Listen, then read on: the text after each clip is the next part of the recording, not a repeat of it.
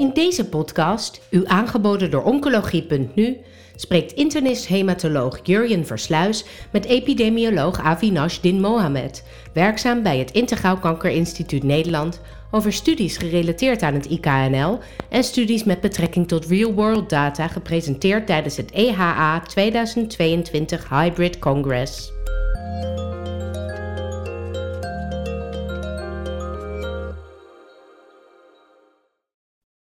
Avines Di Mohamed, welkom bij deze podcast waarin we de resultaten van studies gerelateerd aan het IKNL, Integraal Kankercentrum Nederland, eh, maar ook studies met real-world data zullen bespreken.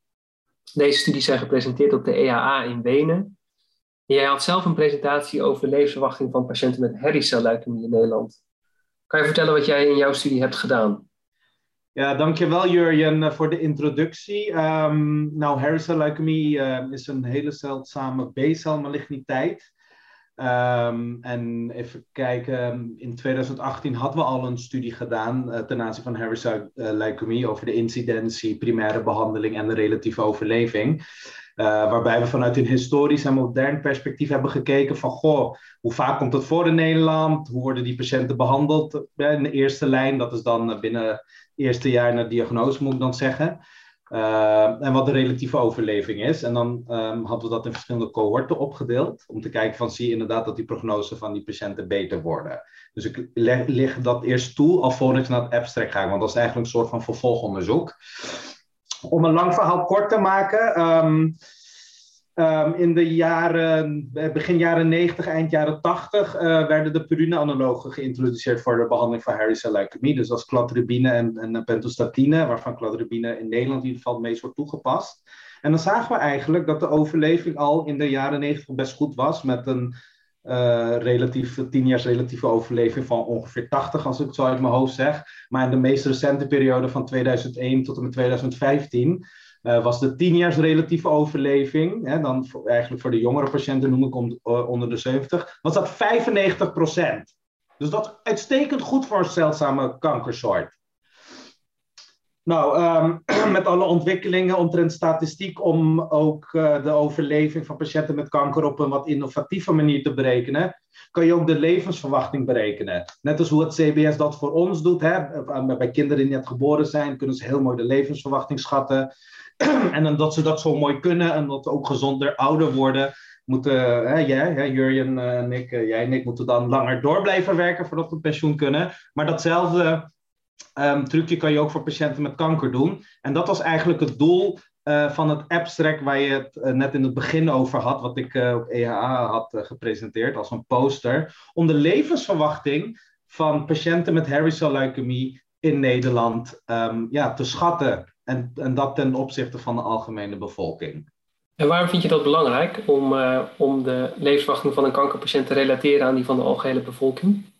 Dan kan je wat, um, in mijn optiek kan je dan beter een perspectief plaatsen. Hè? Wat zegt een 95 uh, procent 10 jaar relatieve overleving aan een patiënt wanneer je iemand voor de spreekkamer hebt? Zeg, nou, um, ehm, IKNL heeft mooie data. Nou, overleving is uitstekend. Nou, wat is het dan, dokter? Ja, uh, eh, 95% bij 10 jaar relatief. Maar ja, wat is dat? Heb ik dan 5% kans om te sterven? Of hoe zit dat dan? Dan moet je dat uitleggen. Nee, dat is 5% meer oversterfte. Dus daarom denk ik dat um, de, als je dat in een levensverwachting kan uitdrukken, dat het misschien wat intuïtiever is.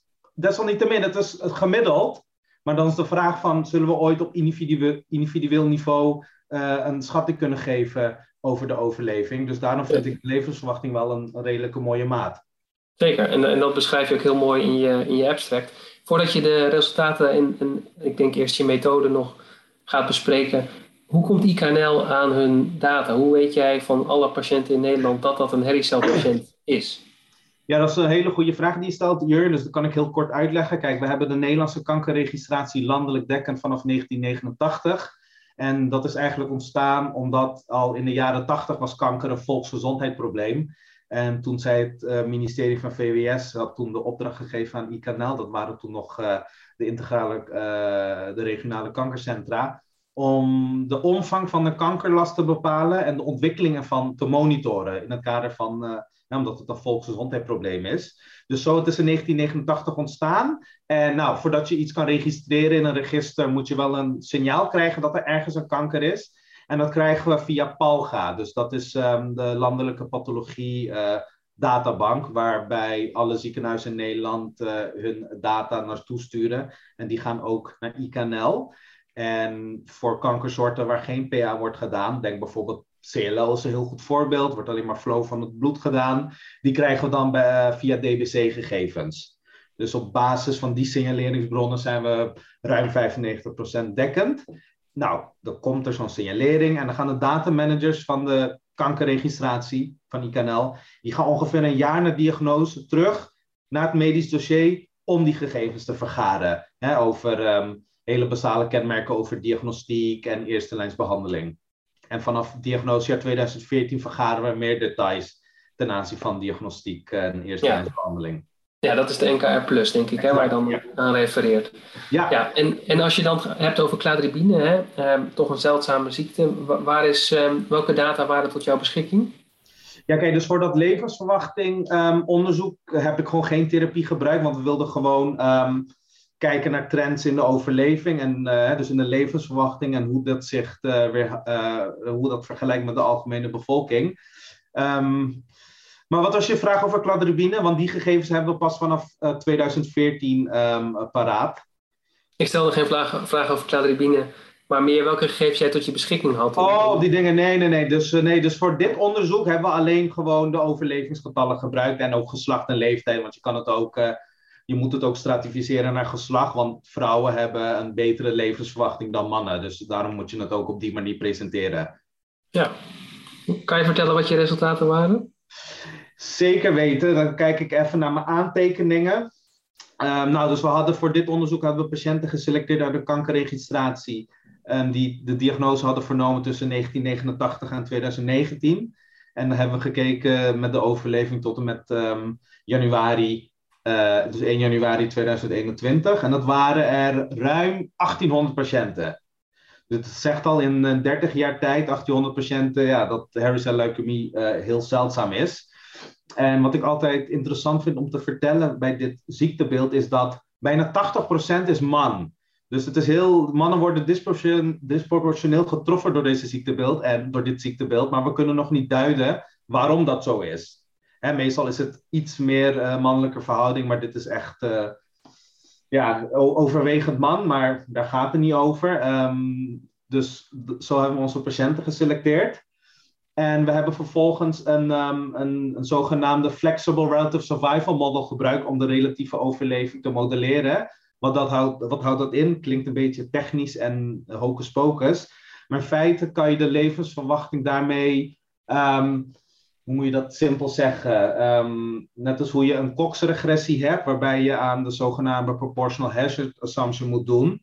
En met de levensverwachting zorg je ervoor dat die um, mortaliteit gewoon niet lineair is. Dus je doet geen aannames hoe die trend is um, van je uh, levensverwachting. Dus dan kan je aantal splines instellen om die curves al dan niet flexibel mogelijk te maken, hoe ze omhoog of laag kunnen schieten. Ja, het is een flexibele manier om te kijken naar overleving. Eh. Precies, precies. En op basis van um, wat statistische methodes kan je dan het beste model selecteren met het beste fit. Ja. En wat was nou de levensverwachting van een herrie-patiënt? Ja, dus uh, wat we hebben gedaan is uh, nou naar uh, drie, vier leeftijdsgroepen gekeken. Je kan het ook op continu schaal doen, maar we hebben voor gemakshalve gewoon vier leeftijdsgroepen gekozen. Dus we hebben 40, 50, 60 en 70 jaren gekeken. En dat dan um, gestratificeerd voor geslacht.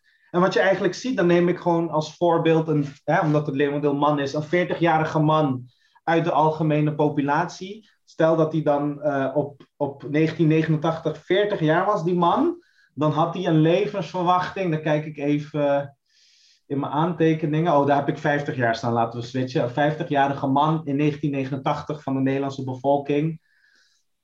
Um, die had ongeveer een levensverwachting dan van 30. Dat betekent dat die man van de Nederlandse bevolking 80 jaar zou worden in 1989. Had een levensverwachting dat hij, ja, dus dat hij 80 zou worden gemiddeld. Maar dan komen we naar die Harry cell leukemie patiënt, man, 50 jaar in 1989 die had nog een levensverwachting van, wat is het? Ruim 25 jaar.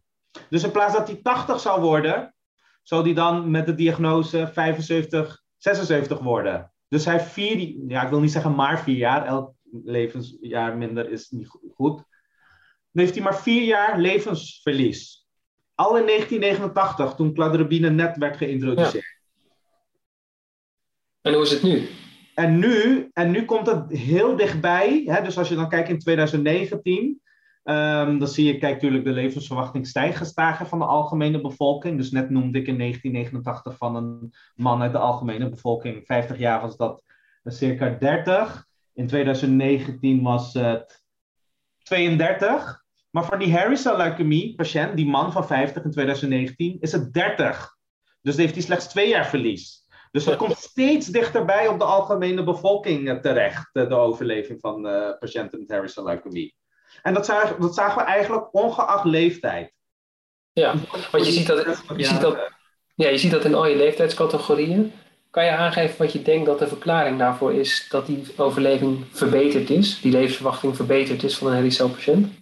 Ja, kijk, ehm, ik kan verschillende argumenten aanvoeren. Ten eerste denk ik, um, kijk, er is niet wezenlijk veel veranderd in de behandeling van Harry cell leukemie. Cladribine altijd eerste lijn, uh, rituximab is bijgekomen. En ik wil ook nog zeggen dat we hier geen Harry cell variant hebben. Dat is een wat slechtere uh, groep.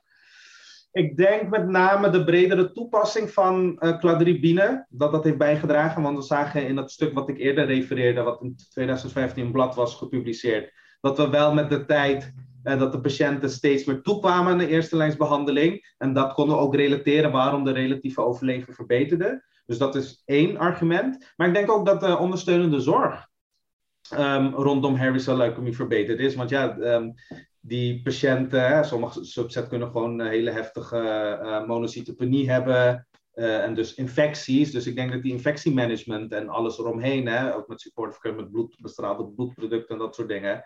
Ik denk dat dat ook allemaal heeft bijgedragen dat die overleving steeds beter wordt. Ik zie... En weet je dat? Weet je dat op basis van jouw data? Nee, alleen over de eerste lijnsbehandeling, want we hebben geen informatie over ondersteunende zorg en uh, wat voor, hè, hoe infectiebestrijding, profilaxe precies allemaal is gegeven. Dat weten we niet, dus dat is allemaal speculeren. Op basis... Of doodsoorzaak, weet je dat? Nee, dat weten we niet. En dat is heel leuk dat je dat vraagt. Um, want dat is interessant. Hè? Ten eerste, um, doodsoorzaken hebben wij niet in de kankerregistratie, um, maar het CBS wel. alleen, hè, dus voor de klinici die nu luisteren, en jij Jurjen ook uit je eigen praktijk, hoe worden die schouwformulieren ingevuld? Dat dan, hè, dus dan moet je ook denken van hoe betrouwbaar zijn doodsaars, uh, die statistieken. Tuurlijk geeft het wel een mooi beeld, want dat hadden we laatst bij het folliculair lymfoom gedaan, waar je heel duidelijk zag dat na de introductie van rituximab uh, lymfoomgerelateerde sterfte drastisch afnam. Maar dat is zeker interessant om uit te zoeken, juist voor een ziektebeeld met zo'n goede prognose. Waar gaan deze patiënten uiteindelijk dood aan? Is het wel inderdaad uh, HCL gerelateerd, dus Harry cell leukemia gerelateerd? Nou ja, als ik naar je data kijk, dan zie je zeker de laatste jaren een heel mooi plateau ontstaan. Wat heel dicht bij de, de algemene populatie ligt qua levensverwachting. Ja. Dus dan is de vraag, wat kan, wat kan je nog winnen? Zijn er nog nieuwe behandelingen nodig of moet de behandeling juist geoptimaliseerd worden, beter gemaakt worden? Ik denk, ik denk allebei. Ik denk dat we zeker moeten innoveren met therapie. Um, de vraag is, wat gaat cladribine nou um, overtreffen? Hè? Um, bedoel, het kan ook makkelijk hoe heet dat, worden toegediend, zij het intraveneus of subcutaan zelfs. Maar ik denk wel dat we voor die patiënten die bijvoorbeeld uh, die cladribine niet aan kunnen, dat je nog steeds die motiliteit als interferon alpha eh, hebt en, uh, en dat soort dingen. Dus dat je ze misschien loost door een periode waar ze um, hè, zulke intensief, althans uh, cladribine niet kunnen krijgen. Maar ik denk dat het ook vooral zit. Um, tuurlijk heb je een groep patiënten die heel snel recidiveert. En als je die levensverwachting verder omhoog wil krikken, moet daar veel gedaan worden. Tuurlijk hebben we nu middelen zoals Vemurafinib uh, en andere medica medicamenten die worden um, toegepast. Maar ja, als je dan zo op het EHA keek, weet je, wie, wie schenkt nou nog aandacht aan leukemie? Weet je, we, misschien komt dat omdat het zo goed is. Ik denk ook deels omdat het een zeldzame kankersoort is. Dan heb je gewoon internationale samenwerking nodig om goede trials op te zetten. Ja. Nou, misschien is die behoefte er dan ook dus niet meer zo. Maar goed, daar kan jij juist een, een, mooie ingang voor, uh, voor leveren. Zeker weten, ja. ja. Ik wil het graag met, met je hebben over een, een tweede IKNL-studie. Uh, IKNL is vertegenwoordigd in uh, een studie naar Richterse transformatie van CLL. Wat was het doel van die studie? Ja, dat is, dat was ook een hele leuke studie. En um, het, het, is ook leuk om te zien dat er ook andere studies steeds meer komen die niet op konto van mij zijn. Dus ik ben blij dat na alle tien, ik zit al bijna elf jaar bij IKNL, dat het steeds meer rugbaarheid krijgt. Hè? Dat, dat kankerregistratiedata, of hoe ik het dan noem, population-based data, um, dat dat steeds um, ja, waardevoller wordt. En dat we gewoon een schat aan data hebben. Um, om, maar om even terug te komen op het Richterse transformatieverhaal, want daar valt ook iets over te zeggen ten aanzien van hoe wij die data vergaren. Ik zei in de introductie, wij vergaren alle nieuwe diagnoses, hè? dus nieuwe diagnoses van kanker. Maar een Richterse transformatie, het zegt eraf, Richterse syndroom, transformatie, transformatie. En transformatie is geen nieuwe maligniteit. Dus die vangen we ook niet standaard op in de kankerregistratie. Wel vanaf um, ehm, 2014 uiteraard met de NKR+. Dan hebben we de transformaties er standaard in zitten. Uh, maar um, ik ben niet betrokken bij de stuk, maar naar mijn beste weten hadden we ook toen nog een koppeling met Palga gedaan om te kijken of we al, echt al die um, Richterse transformaties hadden. Dus daarmee wil ik zeggen, hè, het is niet dat we maar één keer data vanuit Palga krijgen, maar we kunnen Palga voor heel veel doelen gebruiken om weer opnieuw te koppelen of zelfs terug te gaan uh, naar al die uh, eh, PA-slides bijvoorbeeld. Stel dat je weer um, wilt reclassificeren of, of, dat soort dingen. Nou, ik denk dat het een belangrijk punt is, want als je kijkt naar de aantallen, hè, dit gaat over een periode van 2014 tot 2020, zijn er 110 patiënten uh, gediagnosticeerd met een Richterse transformatie. Dat, hmm. dat is relatief weinig. En natuurlijk is het een zeldzame, ja. zeldzaam gegeven, maar de vraag is dan of je alle patiënten um, gevangen hebt in je um, analyse. Nee, dat, dat is zeker zo. Uh, want dit kan je niet vergelijken hoe een folliculair lymfoom naar een grootcellig lymfoom. Hè, dat, die omvang is uh, zeker veel groter. Dus nee, je kan zeker nog um, onderrapportage hebben. Misschien omdat de CLL in eerste instantie niet goed gekarakteriseerd was. En toen kwam er een deel BCL, terwijl dat eigenlijk misschien een transformatie was of hoe dan ook. Dan zal die misschien opgenomen als, worden als een nieuwe diagnose deel BCL. Terwijl het eigenlijk een Richterse transformatie eh, was. Eigenlijk soortgelijk net bij AML. Hè? We hebben verdenking op MDS. Nou, een paar maanden bam, full-blown AML. Terwijl die MDS nooit echt goed bevestigd is. En dan kunnen we die MDS-diagnose ook niet zo meenemen in de kankerregistratie. Nou, CLL is denk ik iets makkelijker dan MDS. Hè? Ik bedoel, uh, maar om een voorbeeld te geven, omdat ik zeker um, de kans um, uh, groot acht dat we misschien wel een onderrapportage hebben, maar we moeten zeker kijken ook naar andere studies. Um, dan wil ik misschien ook straks komen op de Scandinavische registers. Ja. Die De resultaten van deze studie vond ik best opvallend als je keek naar de, de uitkomsten. Mm -hmm. Er werden drie groepen gemaakt, hè? Patiënten ja. die. Nou, dat kan jij beter vertellen. Ja, dus uh, nee, vul me aan hoor. Um, Nee, ze hadden inderdaad drie groepen gemaakt. Een groep die um, ten tijde van, het, uh, grootste, van DLBCL ook een CLL-diagnose hadden. Een groep die een Richterse transformatie had, maar dan in de voorgeschiedenis een behandeling voor de CLL had. En de andere was omgekeerd, Richterse transformatie, maar niet behandeld voor de CLL. Dus zoals je al zegt, 110 eh, patiënten in die periode van 2014 tot en met 20. En de verhoudingen waren Um, dat het gelijktijdig met een DLBCL werd gediagnosticeerd was 20%, voorheen behandeld voor de CLL 35% en nooit behandeld voor de CLL, maar wel een richtingstransformatie was 75%. En dan zag je ook dat een leeuwendeel van de patiënten um, had een stadium 3-4 DLBCL. Um, even kijken. En dan wat ik het meest intrigerende vond van dit stuk was de overall survival cursus. Die kon ik eerlijk gezegd moeilijk duiden, want om samen te vatten, hier blijken dus patiënten die um, behandeld waren voor hun um, richterse, voor de CLL, die hadden een slechtere overleving dan de andere twee groepen. Beduidend slechter.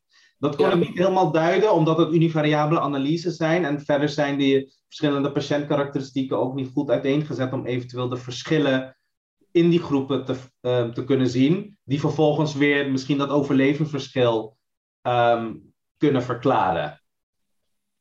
Nee, ik denk dat, dat dat hier een belangrijke toevoeging kan zijn aan uh, de verklaring van deze resultaten. Want mm-hmm. als je kijkt naar hoe zij voorbehandeld zijn, die, die patiënten met CLL die dan nadat ze behandeld zijn een keer een richterse transformatie ontwikkelen, dan zijn dat allemaal beperkt intensieve schema's. Dus dan ja, dan vraag ik me af waarom, waarom doen die patiënten het zo slecht? Maar dat komt ehm, niet heel duidelijk in het um, abstract naar voren. Dus we moeten de publicatie maar afwachten, denk ik.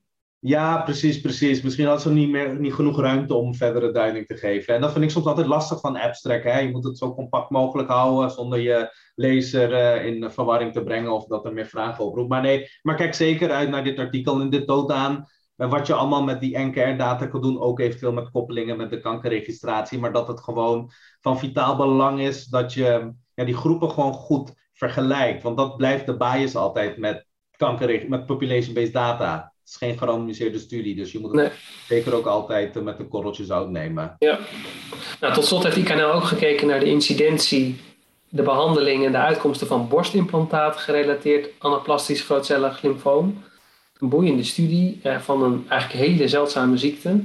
Hoe vaak kwam het in Nederland voor? Ja, en, en um, kijk, ik ben, uh, ik ben heel nationalistisch hoor. Maar niet dat ik dan zeg omdat ik daarom de kankerregistratie die we in Nederland goed hebben. Maar juist voor zeldzame entiteiten, zoals die uh, borstimplantaat gerelateerde ALCLC's dan heb je een kankerregistratie nodig om tenminste iets te kunnen zeggen over de epidemiologie of hoe ze behandeld worden, wat de uitkomsten zijn. Want ja, hebben we trials die hier specifiek naar kijken, naar mijn beste weten niet, of hele kleine series um, uit uh, academische centra, die desalniettemin heel waardevol zijn, want ik zie het altijd heel complementair aan elkaar. Uh, maar in de periode 1997 en uh, tot en met 2020 hadden we in totaal 42 patiënten um, met deze diagnoses. Um, en wat eigenlijk interessant was, en dan kunnen we misschien verder over uh, brainstorm, of althans dan geef ik wat suggesties. En dus vanaf um, 97 zag je dat het aantal nieuwe diagnoses bleef redelijk stabiel, 1 tot 2 per jaar. Maar vanaf 2018 zag je dat het bijna uh, verviervoudigde. Dat was een beetje raar. Het is niet opeens dat zich dat dan opeens veel meer manifesteerde ten aanzien van de intensiteit van het implantaat en dat er ontsteking ontstaan dan lymfoom ontstaat. Dus dat vond ik interessant. Ik denk dat er misschien een betere awareness is, ofwel een betere klassificatie ja. van dit lymfoom. Dat is natuurlijk ook opgenomen in de WHO-klassificatie en, en, dat was volgens mij eerder minder um, evident. Mm ja, had, het, uh, had, het, een aparte ICDO-code? Ja, dat staat me nu niet zo, uh, zo, bij hoor. Maar het is wel beschreven, maar of het. Ja, kijk, die. Um, alle lymfomen hebben we, maar naar mijn beste weten heb je geen. Want wij selecteren eigenlijk op een aparte code en op diagnoseteksten voor deze ziektebeelden. En we kunnen ook nog eventueel met Palga bepaalde koppelingen doen om in die conclusieteksten opnieuw te kijken. Ja, dat is eigenlijk mijn belangrijkste vraag aan jou. Als je tot 2017 1 tot 2 patiënten per twee jaar vindt en dan ineens, nog steeds heel zeldzaam, maar vind je een stuk meer patiënten, is er dan iets veranderd in de, in de registratie of is echt de diagnosestelling veranderd? Ik denk beide misschien. Ja. Ik denk betere herkenning van dit ziektebeeld, hè, omdat wat je net noemde, de WHO, uh, het, boek, het blauwe boekje, hè, nu het wordt digitaal, uh, heb ik begrepen. um, ja, die geeft daar beter aandacht aan. Ja, dan komt het ook beter op een netvlies uh, van pathologen terecht. En ten aanzien van registratie, kijk, um, kijk, dit heeft geen specifieke code, dus we krijgen ze sowieso via Palga binnen. Dan wordt het misschien als lymfoom niet nader omschreven of het komt in een vergaarbak terecht. Maar de data manager gaat als dan nog terug om te kijken van, oh, wat is dit dan voor een lymfoom precies? Dus ze gaan altijd wel terug om te kijken van, goh, uh, wat voor diagnose is dat dan? Is dat, dat uh, inderdaad een lymfoom niet nader omschreven? Van soms uh, overlijden patiënten snel. Er wordt verder geen uitgebreide diagnostiek gedaan. Dan zeggen ze ja, waarschijnlijk is het een non-Hodgkin lymfoom, weet ik het. Um, en aan de andere kant, volgens mij, ik weet niet of dit allemaal PA-diagnoses per se zijn. Jazeker. In principe wel, denk ik. Ja, want soms hebben we, ja, nee, dat wil ik zeggen, soms dat ze puncties doen, hè? Dat is cytologie alleen. Ja. Dat, dat wilde ik zeggen, maar ja, dan kan je de diagnosestelling niet goed doen. Dus dat je daarom misschien eerder wat onderregistratie hebt. Omdat wij die ah. niet op, zo konden opvingen op een of andere manier. Kijk, voor NDS en AML, dat soort dingen. En voor CNS-lymfomen hebben we wel DBC-gegevens. Dus ja, dus da da daar zat ik aan te denken. Hè, van, waren niet allemaal PA-diagnoses? En ja, als je alleen maar uh, cytologie doet, ja, dan kan je de diagnosestelling ook niet altijd doen. Terwijl het misschien het wel was. Dus ja, ik, dus om even terug te komen onderregistratie en betere klassificatie. desondanks, hè, deze 42 patiënten, hoe, uh, hoe, hoe, zagen zij eruit qua ziekteclassificatie en, uh, en behandelingen? Ja, dan moet ik even weer naar mijn aantekeningen gaan. Um, wat wel gunstig was, is, um, nou, het is een betrekkelijk jonge patiëntenpopulatie. Mediane leeftijd bij diagnose was 51 jaar. En wat ook betrekkelijk gunstig is, dat de meeste van um, deze patiënten die diagnose in stadium 1 hebben vernomen. Dus dat is dan op zich dan redelijk te behandelen. En een klein deel, um, dat is, uh, even kijken, dat was 3%, die had stadium, 2, uh, stadium 3-4 ziekte. Ja, en, en hoe werden die patiënten dan behandeld? Nou, als we dan kijken van die groep, nou laten we beginnen met de grootste groep, dat is de patiënten met stadium 1 ziekte. Dan zag je um, het leeuwendeel, dus van die 32 patiënten, um, hadden de meeste hadden alleen maar um, ja, chirurgie gehad om het lymfoom te, te verwijderen. Maar je zag wel, hè, dus dat enkele ook van die stadium 1 patiënten, die hadden dan wel gewoon chemo gehad, of daarna ook nog bestraald hè, na chemotherapie. Ja. En je zag wat opvallend was, kijk, in die stadium 3-4 ziekte waren maar drie patiënten gelukkig. Maar je zag dan hoe werden zij behandeld. Nou, twee patiënten kregen inderdaad chemo gevolgd door een autologe transplantatie. En bij één patiënt um, werd inderdaad het lymfoom weggehaald en uh, vervolgens chemotherapie gegeven.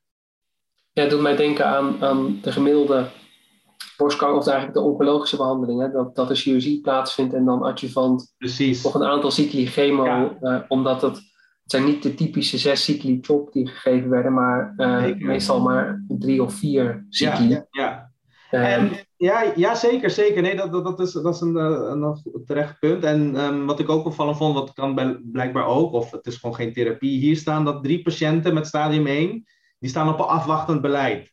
Kijk, ik ben ja. een epidemioloog, ik ben geen hematoloog, maar kan dat bij dit ziektebeeld? Um, ja, dat, dat, dat, is, uh, dat is een goede vraag. Dat weet ja, ik, daar kan ik je niet dus, uh, misschien bedoelen ze gewoon, misschien hebben deze patiënt überhaupt geen therapie gehad. Maar um, desalniettemin geeft um, dit onderzoek gewoon unieke data die eigenlijk niet overal inzichtelijk is. En.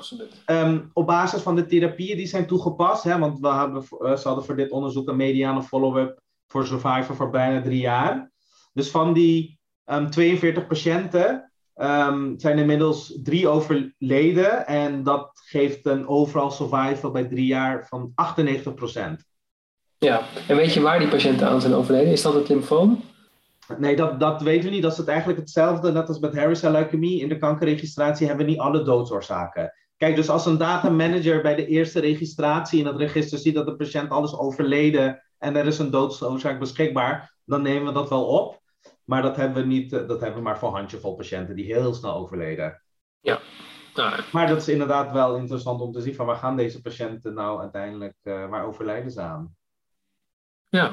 En, um, en om, om af te sluiten, de conclusie was van het stuk dat zij, de auteurs denken, um, hè, omdat je veel mama-reconstructies hebt, zij het voor borstkanker of voor cosmetische doeleinden, dat dat inderdaad toeneemt en dat ook uh, dit type lymfoom zal toenemen. Dus dat maakt de kankerregistratie ook uniek om inderdaad dit op te volgen. Gaan we daadwerkelijk een stijging zien, ook, ook al corrigeer je voor de um, bevolkingsgroei. Dus dat is goed om te monitoren, maar desalniettemin is het een zeldzame complicatie uh, van een uh, borstimplantaat. Ja, nou belangrijk om ook hiervan de publicatie af te wachten en, en de follow-up studies zeker, ja. die zullen zeker komen. Ja, Avinas, jouw interesse ligt natuurlijk ja, bij onderzoek gebaseerd op de hele patiëntenpopulatie binnen een registry of een land. IKNL in Nederland is in, in deze vorm echt uniek en, uh, en heel belangrijk hoe dat uh, vormgegeven is. Heb je nog andere uh, populatiegebaseerde data gezien? Andere landen? Ja, ik heb, ik heb heel veel studies gezien. En um, ja, dat, um, wanneer op EHA ben, kom je zeker aan je stappen toe. Um, dus vrijdag waren de posterpresentaties stond ik ook daar. Dan wil ik ook op een, een stuk terugkomen die mijn buurvrouw dus naast me had. Maar daar kom ik zo op terug. Dus de volgende dag, dus op een zaterdag, was er een sessie. Dat was gewoon niet zo boeiend. Dus ik dacht van, nou, dat is een mooi moment om even langs al die posters te gaan. Ben ik gaan kijken, begonnen lopen, lopen, kijken. Je ziet inderdaad population-based, maar heel veel de term real world. ik heb een beetje moeite met de term real world, want dat is subjectief. Wat is real world? Wat is echt? Ja, in die populatie die ze hebben onderzocht is het echt. Maar ja, daarbuiten niet. Dus daarom vind ik de term population-based. Of is, het, het inderdaad maar een paar centra zijn, weet je, multicenter studies. Ik vind het een opgehypte term, maar dat is mijn uh, mening, maar ik leid nu een beetje af. Nee, er waren um, heel veel real world of population-based of multicenter studies retrospectief. Maar misschien ben ik iets te kritisch, omdat we verwend zijn met zo'n register als Nederland en wat we nu kunnen en nog verder in de toekomst kunnen met alle innovaties die we ook aan het doen zijn met de datavergaring. Vond ik de, ehm, de, de registry studies of de real studies ja, betrekkelijk mager. Hè? Er wordt ook gekeken naar bepaalde middelen vergelijken, maar dat was allemaal ik zeg multicenter van aard. Ja, daar kan ik niet veel mee. Het is leuk, het, compliment, het geeft een uh, toegevoegd, het voegt iets toe aan de literatuur. Maar ik denk van, weet je, we kunnen wel beter met z'n allen. Want uiteindelijk komt het wel het wetenschappelijke domein in. Hè, dat dingen niet significant zijn omdat je kleine patiëntenaantallen hebt. Dan denk ik van, ja, uh, leuk en aardig allemaal. Maar soms, althans dat denk ik, als ik, toen ik zo uh, rondliep, die zaterdagochtend was het. dacht van, ja, weet je, ik bedoel... Een, een, een, een, zo'n zo'n population-based studie of, of real-world studie, hoe je het wil noemen, die moet je met dezelfde rigor doen, of, rigor, of dezelfde um, kwaliteit als hoe je eigenlijk een klinische studie doet. Het is niet zo dat je ergens data ontsluit of even een database opzet die niet duurzaam is en dan maar wat statistiek doet, multiple testing, kan ook iets met kans ontstaan dat er een uitkomst komt. Nee, ik vind dat daar ook wat meer zorgvuldigheid in verboden mag worden. Dus dat merkte ik wel. Uh, het is leuk dat, dat, dat uh, population-based onderzoek steeds meer een plaats krijgt binnen het geheel. Maar soms vond ik het wel veel te wensen overlaten. En, ja, ja. kijk, um, ik, ik, heb, ik heb niet rondgelopen, maar ik zag meer dan 100 abstracts die deze titel uh, met iets van real world of real world evidence, real world outcomes um, uh, hadden. Mm -hmm. waar, vind, vind jij dan dat een studie aan moet voldoen om representatief te zijn voor de zogenaamde echte wereld, hè, die real world? Ja, kijk het, kijk, het hoeft niet per se uh, landelijk dekkend, zoals in Nederland of in die Scandinavische landen, dus Zweden, Denemarken, Noorwegen. Maar het kan zelfs een regio zijn. Als je gewoon goed afgebakend regio hebt, net als hoe wij hier in Nederland hebben, dat we gewoon regionaal manier samenwerken, ja, dat is voor mij ook voldoende. Het hoeft niet landelijk dekkend te zijn. Als je maar een goede representatie hebt van je targetpopulatie of van het land zelf. Dat ten eerste. En ook, um, daar had ik het ook uh, in een van die abstracts over. Kijk, um, als je echt naar medicamenten wilt vergelijken op populatieniveau. Um, dat is ook lastig. Waarom? Er wordt niet gerandomiseerd als in klinische studies. Dus wat de patiënt krijgt is wat we noemen um, confounding by indication. Physician's choice. Dus de dokter, wanneer die patiënt voor zich heeft hij al een besluit genomen op basis van wat hij ziet en zijn buikgevoel van nee, we gaan deze patiënt dit middel geven en die andere gaan we een ander middel geven. Dus daar kom je sowieso in problemen mee. Wat ik wil zeggen is van dat we andere analyse technieken moeten gebruiken dan de standaard Cox regressie, die iedereen wel kan doen. Um, om, tuurlijk kan je die confounding niet helemaal weghalen, maar er zijn wel nieuwe technieken waarbij je dat wel enigszins kan wegpoetsen. Bijvoorbeeld met propensity matching of, of dat soort zaken. Dus ik vind dat er veel meer naar dat soort technieken gekeken moet worden om chocolade te kunnen maken van dat soort vergelijkingen, om het zo te noemen. Maar als je propensity matching, om, dat, om daar even op aan te haken, gebruikt, ben je dan nog wel naar de real world populatie aan het kijken? Want dan, dan match je eigenlijk je populatie van interesse op je cohort, wat je dan in de real world of de populatie tot je beschikking had. Kijk, en heel mooi dat je dat zegt, want zo denk ik er ook over. Kijk, tuurlijk, als je uh, twee middelen wil vergelijken, wil je um, zorgen dat je goed gebalanceerde groepen hebt. Hè, want um, ja, maar ja, to toch blijft het niet de real world dan. En daarom vind ik dat real world een beetje vaag. Ik, ik, kijk heel hoog over populatieniveau. En natuurlijk, we doen ook uh, middelen vergelijken en dat soort dingen. Maar het gaat inderdaad om de statistiek, inderdaad. En dan vind ik het niet real world meer. Want ja, je, je gooit patiënten weg. Of nou ja, je hoeft niet per se, want je hebt ook matching systemen, dat is met weighting dat je wel alle je patiënten gewoon in je dataset laat, maar een ander gewicht geeft aan een bepaalde covariaten. Dus om eigenlijk terug te komen wat je zei, ja, hoe zou ik dat anders willen zien? Sowieso moet je gewoon een goede dekking hebben van je populatie. En daarnaast moet je goede statistische methodes gebruiken die ook passen bij de vraagstelling die je wilt beantwoorden. Maar dat wordt nog niet veel gebruikt, nog, hoe ik zo ook heb gezien. Nee, om, om het dan toch nog even je scherp te laten zeggen, wat komen we dan als medische, medische wetenschap uiteindelijk verder met real-world data? Um, dan spreek ik vanuit het perspectief hoe wij dat in Nederland doen. Um, naast dat het hele mooie inzichten geeft op landelijk niveau over epidemiologie, behandeling, overleving, gebruiken we de NKR Plus data. Hè, dus vanaf 2014, incidentiejaar 2014, hebben we meer gegevens over uh, diagnostiek en de exacte eerste lijnstherapie. Uh, maar wij koppelen die data ook regionaal terug binnen de regionale samenwerkingsverbanden die we hier hebben in de zogenaamde hoofdregio's waarbij we de, ehm, binnen regio de ziekenhuizen benchmarken. En dat doen we al een lange tijd en ook op een transparante manier. Opdat we van elkaar kunnen leren.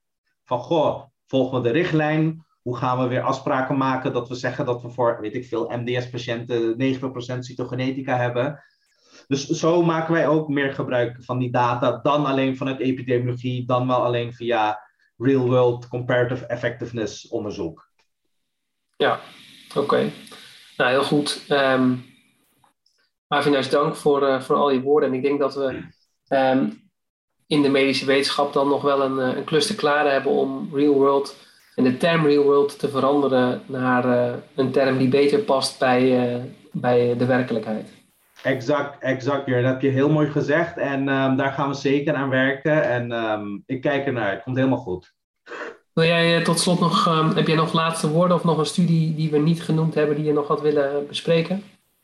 Ja, goed dat je me eraan herinnert. Dat was die, een dame die naast me zat. Um, die had, um, ja, dus ik had mijn Harrison leukemie poster en dat valt gewoon onder CLL. CLL en Related Disorders. Nou, waren we lekker aan het praten. Ging ik even naar haar poster kijken. Dus was een, een, een hematoloog in opleiding in, in, uh, in Denemarken. Ik weet niet meer welke universiteit dat was. Maar in Denemarken, net als in Zweden en in Noorwegen en zo, in die Scandinavische landen, Denemarken hebben ook een heel mooi register. Net als in Nederland, maar ze zijn iets eerder begonnen. Ik zei ook net, ik ben heel nationalistisch. Wij hebben een grotere bevolking, dus we hebben altijd veel meer aantallen. Maar daar ging het niet om. Wat, in, wat ik, waar ik eigenlijk, nou ja, jaloers is een heel zwaar woord, maar um, waar ik jaloers op ben, om maar zo te noemen, laten we gewoon in die terminologie doorgaan, koppelingen tussen verschillende databases kan zo makkelijk in Denemarken en Zweden. Maar daar gebruiken ze gewoon, wat wij hier hebben, het BSN, om gegevens van apotheken te koppelen aan de kankerregistratie of van de doodsoorzakenstatistiek. Hoe ze me dat geen uitleggen, want ik vroeg haar van, ik wist het wel, maar ik, zeg, ik wil het gewoon echt horen van iemand. Van, zei ze, ja, gaat heel makkelijk. Hoe ze dat ook zo ja, zo makkelijk koppel je daar, bla, bla, bla. Ik dacht, oh, ik zeg, was het in Nederland zo? Hier doen we zo panisch. We hebben zoveel verschillende databanken, het is onmogelijk om te koppelen. Um, dus daar zit zeker weg aan de, uh, werk aan de winkel om dat ook in Nederland te realiseren. En daar zijn ook serieuze gesprekken mee gaande uh, met de overheid uh, om dat te doen. Dat wij voor medisch wetenschappelijk onderzoek op een goede manier ook het BSN kunnen gebruiken. Want koppelen met leeftijd of andere dingen die niet helemaal 100% zijn, brengt het onderzoek ook niet verder. Dus, dus dat wil ik ook nog uh, even meegeven. Dat we ook daar aan het werk zijn, want als onze buren het bewijzen kunnen, waarom wij niet? Want we zijn heel goed in AVG en alles dichttimmeren. Maar dan kunnen wij ook hele strakke regels maken hoe we BSN moeten gebruiken voor wetenschappelijk onderzoek. Om al die databanken die we hier hebben, om dat op een adequate en juist veilige manier te kunnen koppelen. Nou, mooie afsluitende woorden.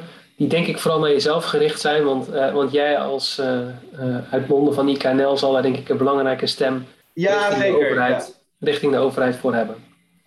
Dankjewel voor je tijd, uh, Avi. Nee, joh, je, jij dank um, voor, de, voor het leuke interview. Ik vond het heel leuk. Uh, dankjewel.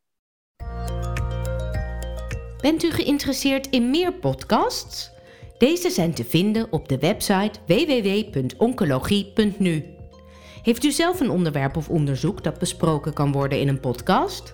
Mail het naar info@uitgeverij-jaap.nl.